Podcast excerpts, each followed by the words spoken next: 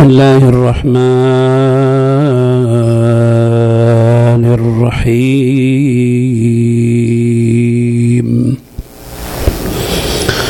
صلى الله عليك يا سيدي ويا مولاي.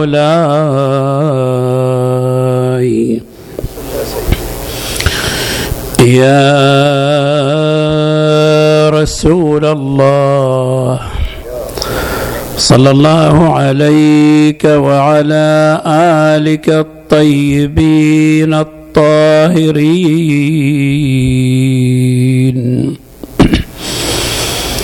المعصومين المظلومين.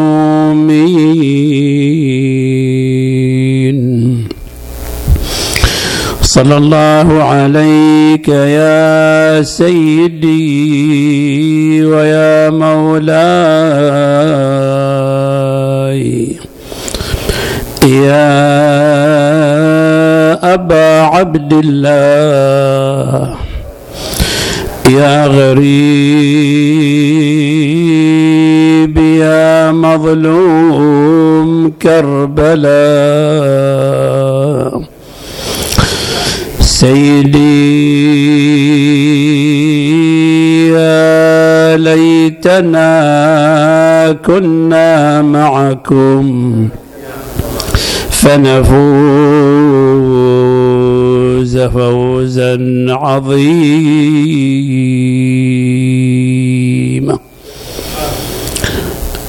جاء في الحديث الشريف عن رسول الله صلى الله عليه وآله وسلم.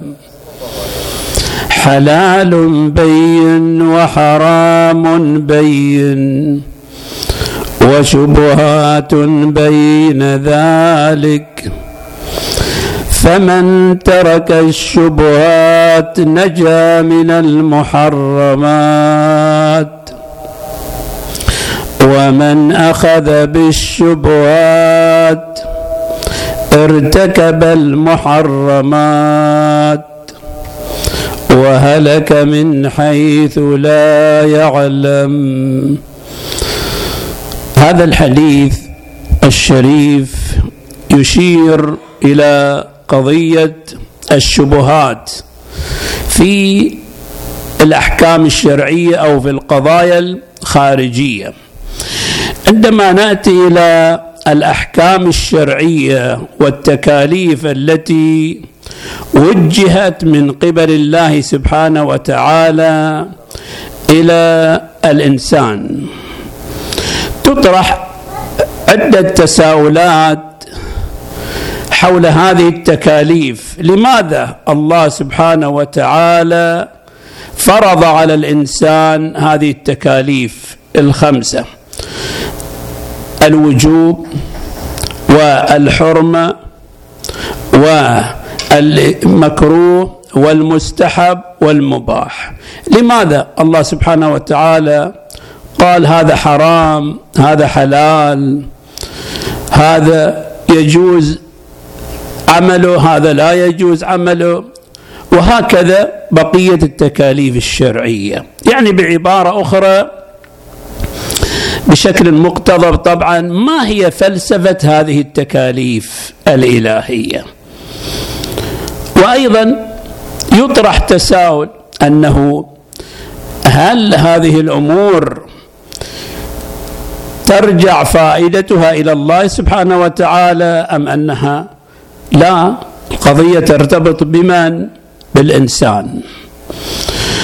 هذه بعض التساؤلات التي تطرح على التكاليف. عندما نأتي إلى هذه التكاليف الشرعية الله سبحانه وتعالى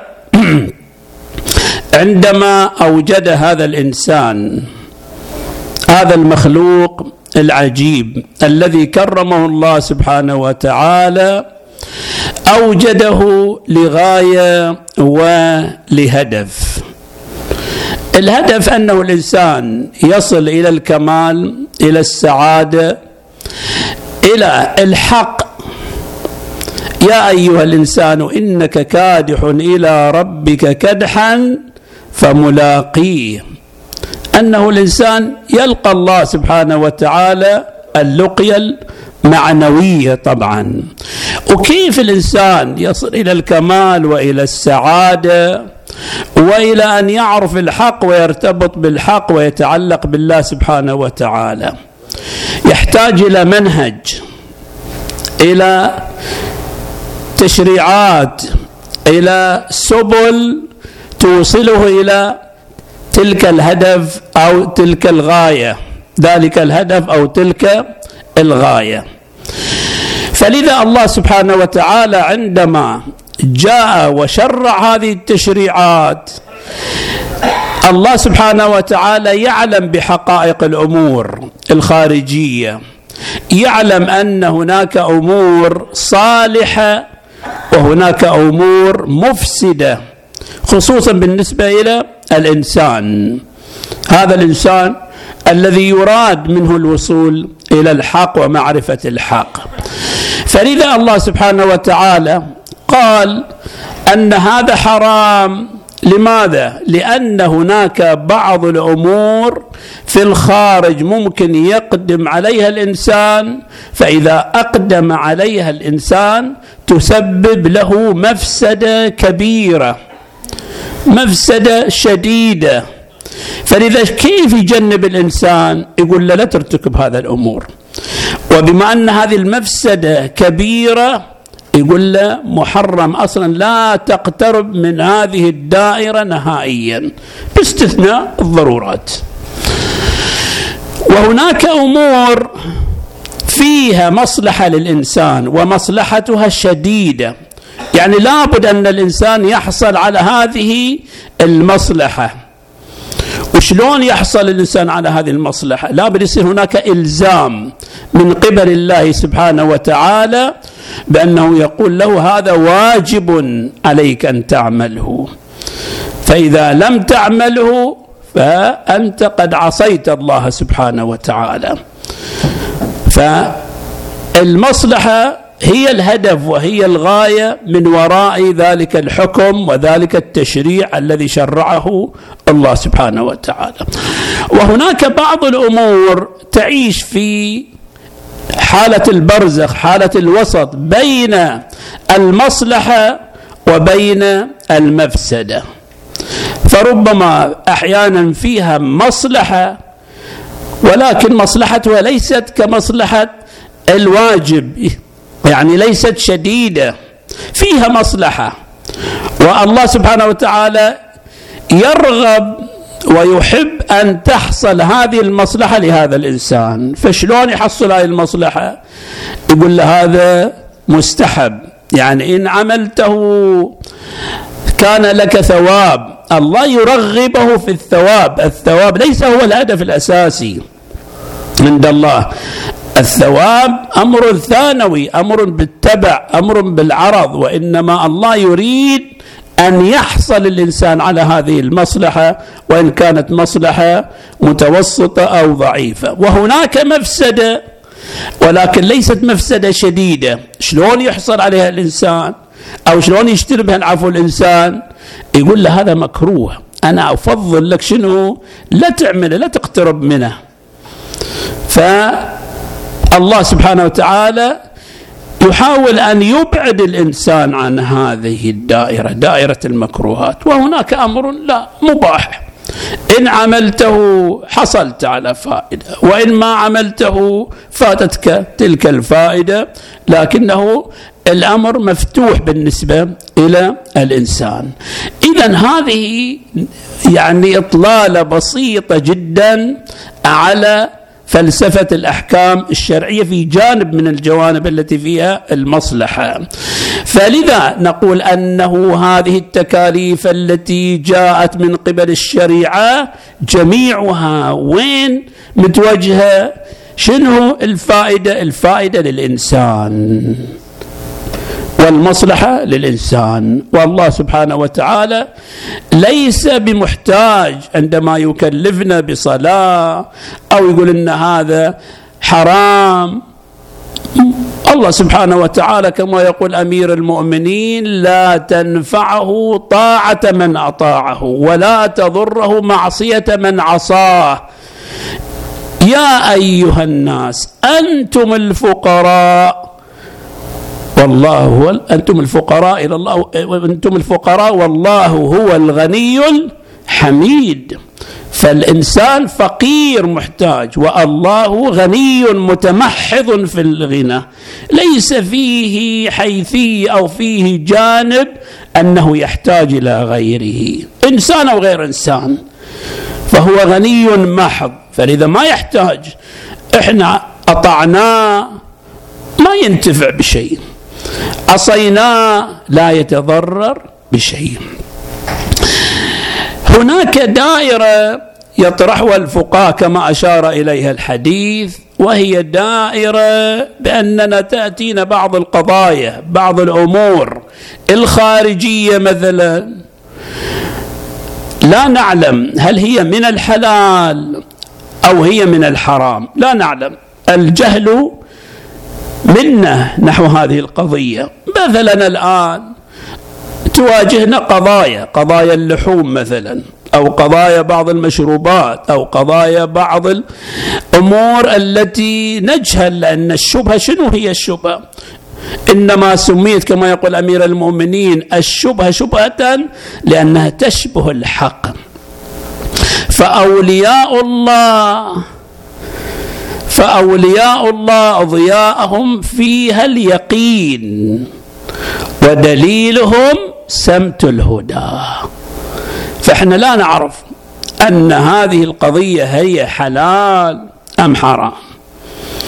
هي فيها حكم أو ليس فيها حكم؟ طبعا لا تخلو قضية أنه من حكم شرعي. هل هذه هل هذا حق أم هذا باطل؟ هل هذا صحيح أو هذا فاسد؟ لا نعلم، لا نعلم، الآن الجهل موجود عندنا. هذه الحالة إذا لا نعلم الحكم الشرعي من جانبنا نسميها شبهة.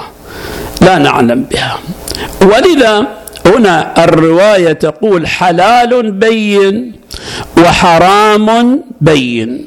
أمور واضحة وبينة وأمور غير بينة وشبهات بين ذلك. يعني بين الحلال وبين الحرام. فمن ترك الشبهات نجا من المحرمات. فمن ترك الشبهات نجا من المحرمات. لأن الشبهات كما يقولون أنه الشبهات ليس فيها وضوح ليس فيها ظهور عندنا. فلذا كما في الرواية دع ما يريبك إلى ما لا يريبك.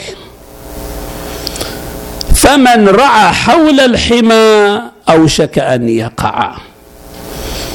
يعني شلون الرواية تشير؟ تقول مثلا أنه أكو إنسان يصير بير يصير حفرة مثلا عميقة إذا يتحرك حول هذه الحفرة يدور يدور حول هاي الحفرة. فمن رعى حول الحمى يعني نسوي دائرة في حريم هذه الحفرة أو في حريم هذا البير. إذا يتحرك يروح ويجي يروح ويجي. شنو هذا؟ هذا معرض إلى أنه يسقط في البير. معرض أنه يسقط في البير. مثل الآن أن السرعة محددة على الطريق السريع على ال highway 120 واحد يجيك شنو؟ يسوق 160 هذا معرض قريب إلى أنه شنو؟ يصيب حادث. يصيب انقلاب. لأنه الآن هو في محل حمى الخطر في دائرة الخطر فهو معرض. أما اللي يسوق 120 لا يمكن يتحكم بالسيارة. 160 صعب يتحكم بالسيارة. يصيبه بنجر يصيبه شيء آخر. صعب أنه يتحكم بالسيارة. صلوا على محمد وآل محمد.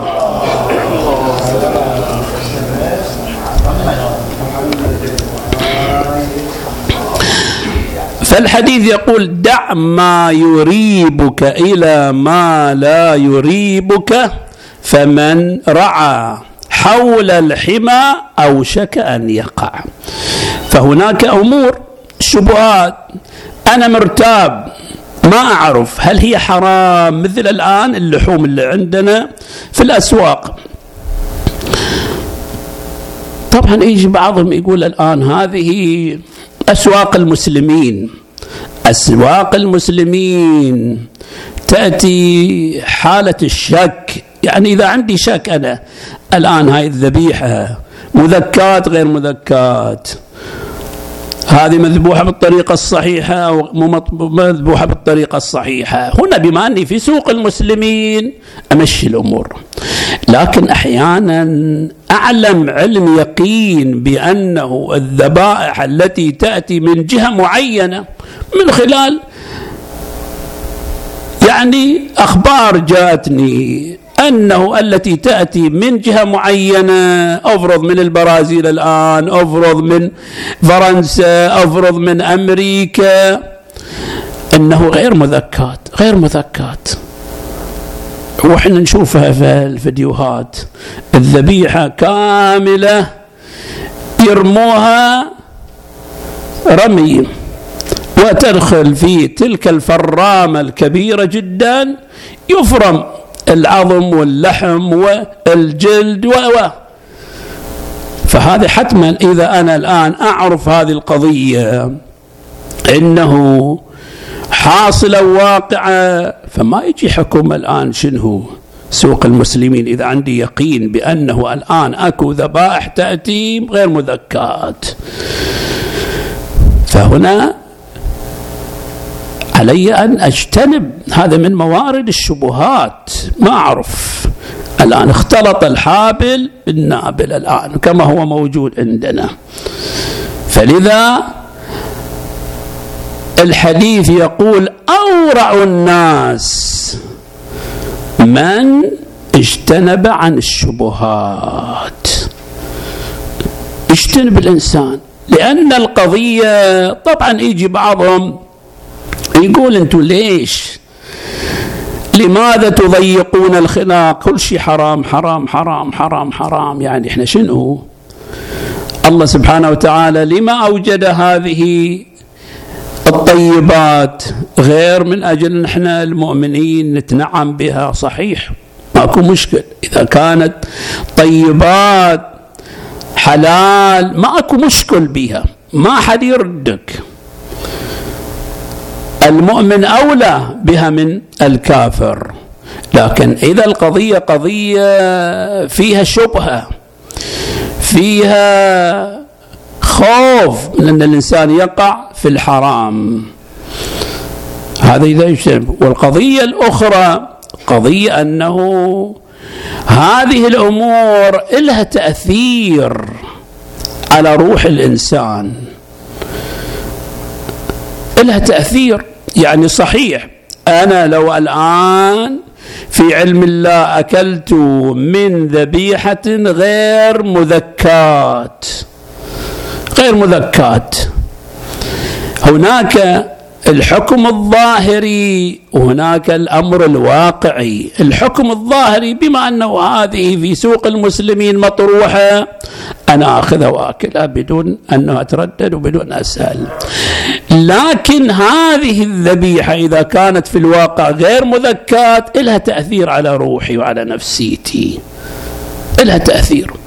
تسبب قساوة القلب، تسبب الجرأة على التعدي على حدود الله سبحانه وتعالى. تسبب أنه لا أوفق إلى الخير. لا أوفق إلى الخير. ما يستجاب الدعاء. لا يحصل عندي إقبال وخشوع وتوجه في صلاة في دعاء في قراءة القرآن. إحنا تشوف الحين أحيانا عندنا عندنا بعض الظواهر. إذا بجلس امام مسلسل تشوف أعصابي مشدودة وعندي تفاعل أو بقعد أشوف لي مباراة تشوف الصحة والقوة عندي والحماس. لكن إذا أمسك القرآن ما أدري شلون يجيك النعاس. ما تشوف إلا جاك النعاس والتثاوب قام. ليش هذا؟ خلينا نسأل أنفسنا. ليش إذا بنقرأ القرآن أو بنقرأ دعاء يصيبنا الملل؟ ما نتحمل. دعاء كميل يستغرق نصف ساعة ما نتحمل. لكن نجلس أمام المباراة تسعين دقيقة وإذا جو شوطين بعد إضافيين وإجا بلنتيات ساعتين يمكن نجلس عادي المسألة. ولا فيها ملل ولا فيها ضجر ولا فيها أي تعب نفسي أو جسدي. لكن دعاكم ما نتحمل نقعد نصف ساعة. ليش؟ نسأل أنفسنا. عندنا أمور باطنية مؤثرة. ينقل عبيد الله آه، عبيد الله السناوري المهم عبيد الله ينقل عن حميد بن قحطبة. انه يقول في يوم من الأيام دخلت على حميد بن قحطبة في في ظهر شهر رمضان. يقول جلست عنده و جاءوا بالماء فغسل يديه قال لي غسل يديك. شوي جابوا الأكل. قال لي تفضل قعدنا ناكل. يقول أنا في الأثناء تذكرت إني أنا الآن وين؟ عبيد الله النيسابوري اسمه. فيقول تذكرت إني الآن أنا في شهر رمضان. يقول فرفعت يدي عن الأكل. قال لي فيك وقفت ما تأكل؟ حميد بن قحطبة يقول حق هذا عبيد الله النيسابوري. فقال لا الآن تذكرت أني أنا في الشهر رمضان. وأنا ما عندي أي عذر لا مريض لا مسافر لا شيء. فما يجوز لي آكل. أنت بعد على راحتك. أنت يمكن عندك عذر يمكن انك مريض.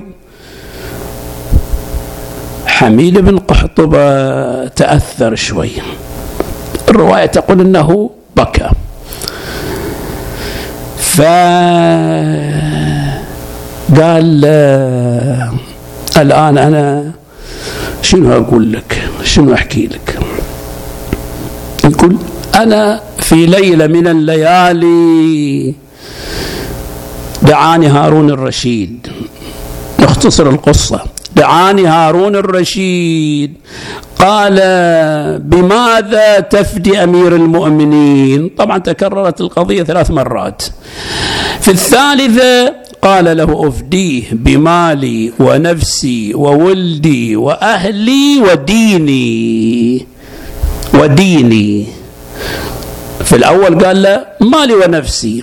في الثانية قال له مالي ونفسي وأهلي وولدي. لأنا ما أحتاج لا إلى أموالك ولا إلى أهلك ولا إلى نفسك. أريد شيء آخر. في الثالثة قال له وديني. قال له إذا إذا هالشكل اتبع هذا الغلام.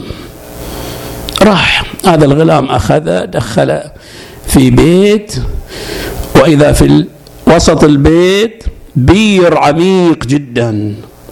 في غرف فتح له الغرفة الأولى. قال فتح لي الغرفة الأولى.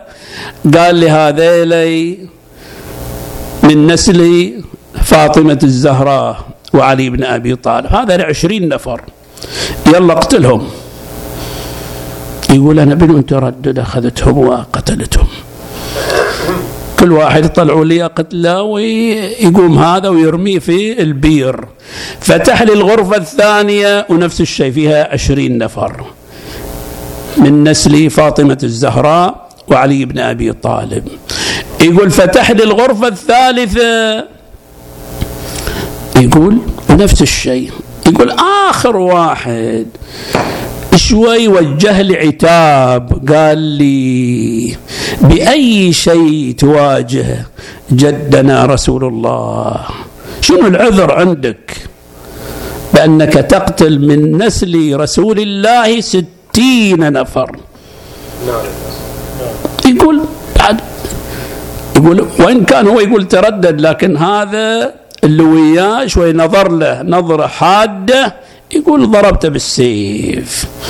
يقول أنا إذا الآن يقول حق عبيد الله يقول له أنا الآن إذا قتلت في ليلة واحدة ستين علوي شنو ترتجي مني؟ شنو؟ شي يفيدني الصلاة شي يفيدني صوم شي يفيدني أني أجتنب محرم أبدا. أنا في النار في النار. فتصير عنده قساوة في القلب. تصير عنده هتك لحرمات الله بكل سهولة. يصير عنده يأس من روح الله سبحانه وتعالى والقنوط من رحمة الله سبحانه وتعالى. ولذا الإمام الحسين سلام الله عليه في يوم عاشوراء عندما وجهت الخطابات المتعددة من الحسين سلام الله عليه ومن أصحاب الحسين عرف بأن هؤلاء لا تفيد معهم الموعظة. ويذكر الإمام الحسين تعليل بأن بطونهم ملئت بالحرام. يعني حتى المعصوم موعظته التي هي صادقة وخالصة لله سبحانه وتعالى لا تؤثر في تلك القلوب لقساوتها ولسوادها وللحجب الشديده الكبيرة عندهم. ولذا أقدموا على تلك الجريمة العظيمه التي هتكت بها حرمة الله وهتكت بها حرمة الدين التي هذه المصيبة التي بكت عليها السماء والأرض وبكت عليها الملائكة. ولذا تقف الحوراء. زينب سلام الله عليها على ذلك الجسد الطاهر. تضع يديها تحت ذلك الجسد فتتوجه إلى الله سبحانه وتعالى. اللهم تقبل منا هذا القربان. إن كان هذا يرضيك فخذ حتى ترضى. هذا خطاب عندها خطاب آخر أيضا عندما وقفت على ذلك الجسد. توجهت بخطابها إلى نحو المدينة إلى رسول الله صلى الله عليه وآله وسلم قالت يا محمدا يا جدا هذا حسينك بالعرى مسلوب العمامة والرداء إلى الله المشتكى وإلى محمد المصطفى وإلى علي المرتضى. يا جدي يا جدي قوم يا جدي قوم شوف حسين مذبوح. والله مذبوح على الشاط وعلى التربان. مطروح يا جدي مات يا جدي مات ما حد وقف دونه إي والله ولا نغار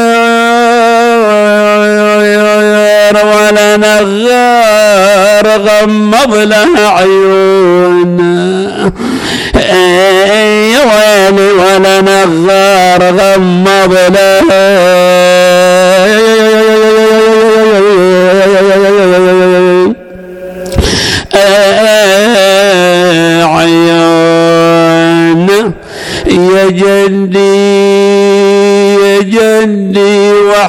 وحيدي عالجوا من خطف لون.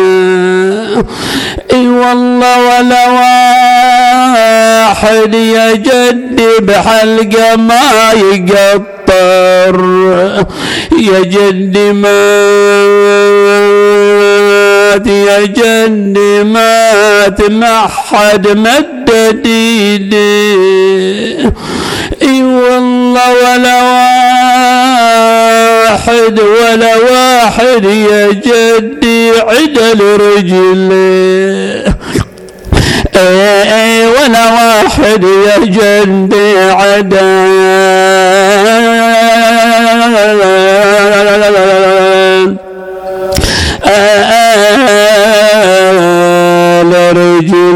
رجلي وحيد يعالج ما حد قرب لي يحط الاظلال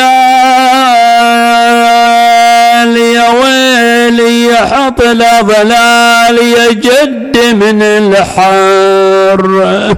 اي يا ويلي يحط الاظلال يا جد من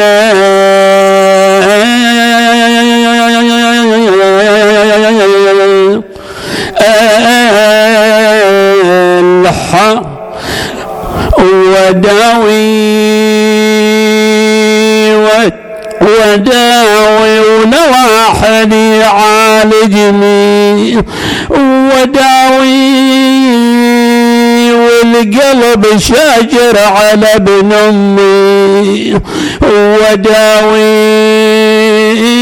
ولا مجروح حتى قعد وداوي وداوي ونغايب واقول عود لي يا ويلي ونغايب واقول عود.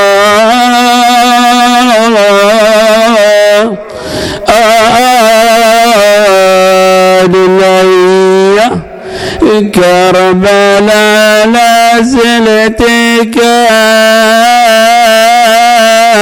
كربا وبلا ما لقي عندك آل المصطفى. اللهم بحق الزهراء وأبيها وبعلها وبنيها والسر المستودع فيها اللهم ارزقنا توفيق الطاعة وبعد المعصية وصدق النية.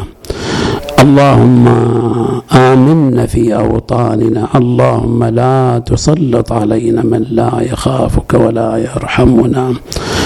اللهم اقضي حوائجنا جميعا. اللهم شافي مرضانا. الآية الشريفة بسم الله الرحمن الرحيم. أما يجيب المضطر إذا دعاه ويكشف السوء.